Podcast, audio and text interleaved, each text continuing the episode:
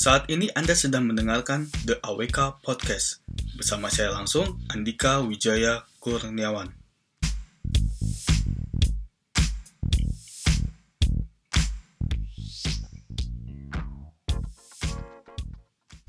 Dalam podcast sebelumnya, saya bahas tentang dua skill yang bisa membuat Anda menjadi kaya.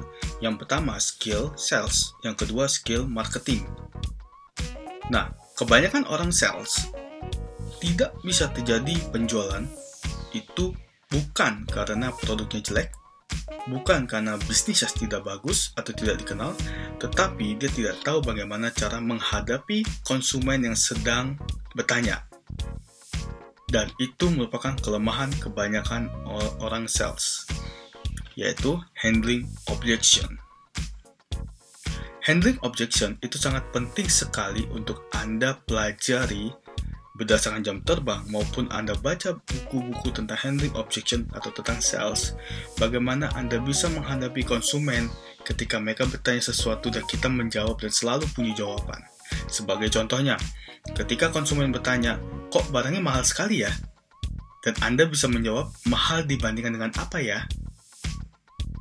Nah, ketika konsumen tidak bisa menjawab, di sanalah waktunya Anda untuk menarik konsumen untuk membeli barang atau jasa Anda.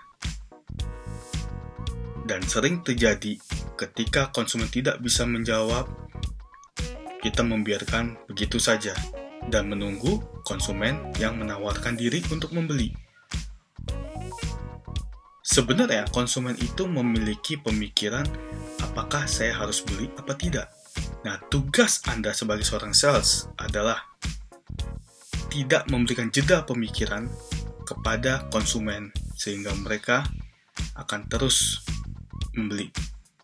Sehingga Anda bisa membuat mereka tidak berpikir lama dan langsung membeli produk atau jasa yang sedang Anda jual. Nah, sekarang Anda sudah paham kunci dari sales, yaitu handling objection.